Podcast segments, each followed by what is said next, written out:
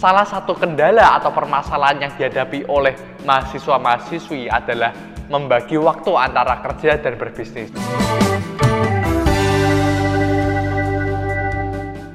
Halo guys, kembali lagi dengan saya Erik Anadi. Hari ini ada pertanyaan menarik sekali dari Anggun Trisepti. Bagaimana cara bisnis kita lancar dan kuliah juga tidak terganggu? Belajar bisnis di tempat kuliah adalah hal yang baik. Namun belajar sambil bekerja adalah hal yang lebih baik.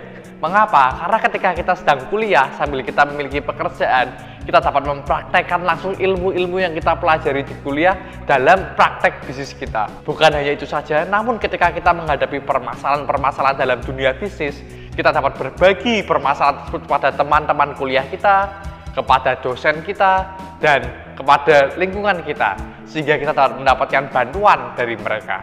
Namun, bagaimana sih caranya kita dapat membagi waktu antara waktu kuliah dan waktu berbisnis. Salah satu kendala atau permasalahan yang dihadapi oleh mahasiswa-mahasiswi adalah membagi waktu antara kerja dan berbisnis. Seringkali kita ini kewalahan untuk membagi waktu antara kuliah dan waktu kerja.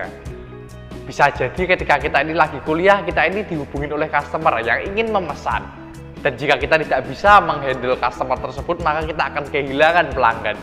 Bisa jadi di tengah-tengah kuliah kita di tengah-tengah kesibukan tugas-tugas dan skripsi, kita juga harus menghubungi supplier kita supaya ada stok barang yang selalu ready.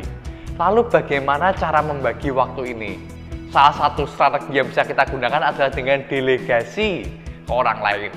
Kita bisa mencari asisten personal, kita bisa mencari personal asisten yang membantu kita untuk melakukan hal-hal yang rutinitas. Dengan adanya personal asisten, pekerjaan kita bisa jauh lebih ringan. Kita bisa mendelegasikan hal-hal yang sifatnya rutinitas, hal-hal yang sifatnya dikerjakan berulang-ulang. Dengan demikian, pekerjaan kita jadi lebih ringan dan kita juga memiliki waktu untuk belajar di kuliah.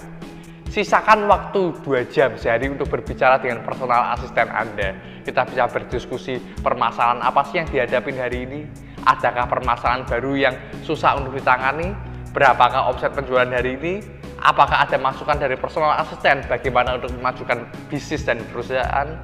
Dengan kita adanya personal asisten, personal asisten pun dapat memberikan masukan-masukan kita. Kita dapat melihat dari sisi-sisi yang berbeda. Cari personal asisten dari koneksi Anda, dari teman Anda, dari keluarga Anda, atau dari lowongan kerja. Pastikan bahwa personal asisten yang Anda cari ini adalah orang yang dapat dipercaya, orang yang bijaksana, dan juga orang yang berpengalaman. Sebab kita tidak ingin personal assistant ini justru menambah beban buat kita. Kita tidak mau. Yang kita mau adalah personal assistant ini dapat meringankan beban kita.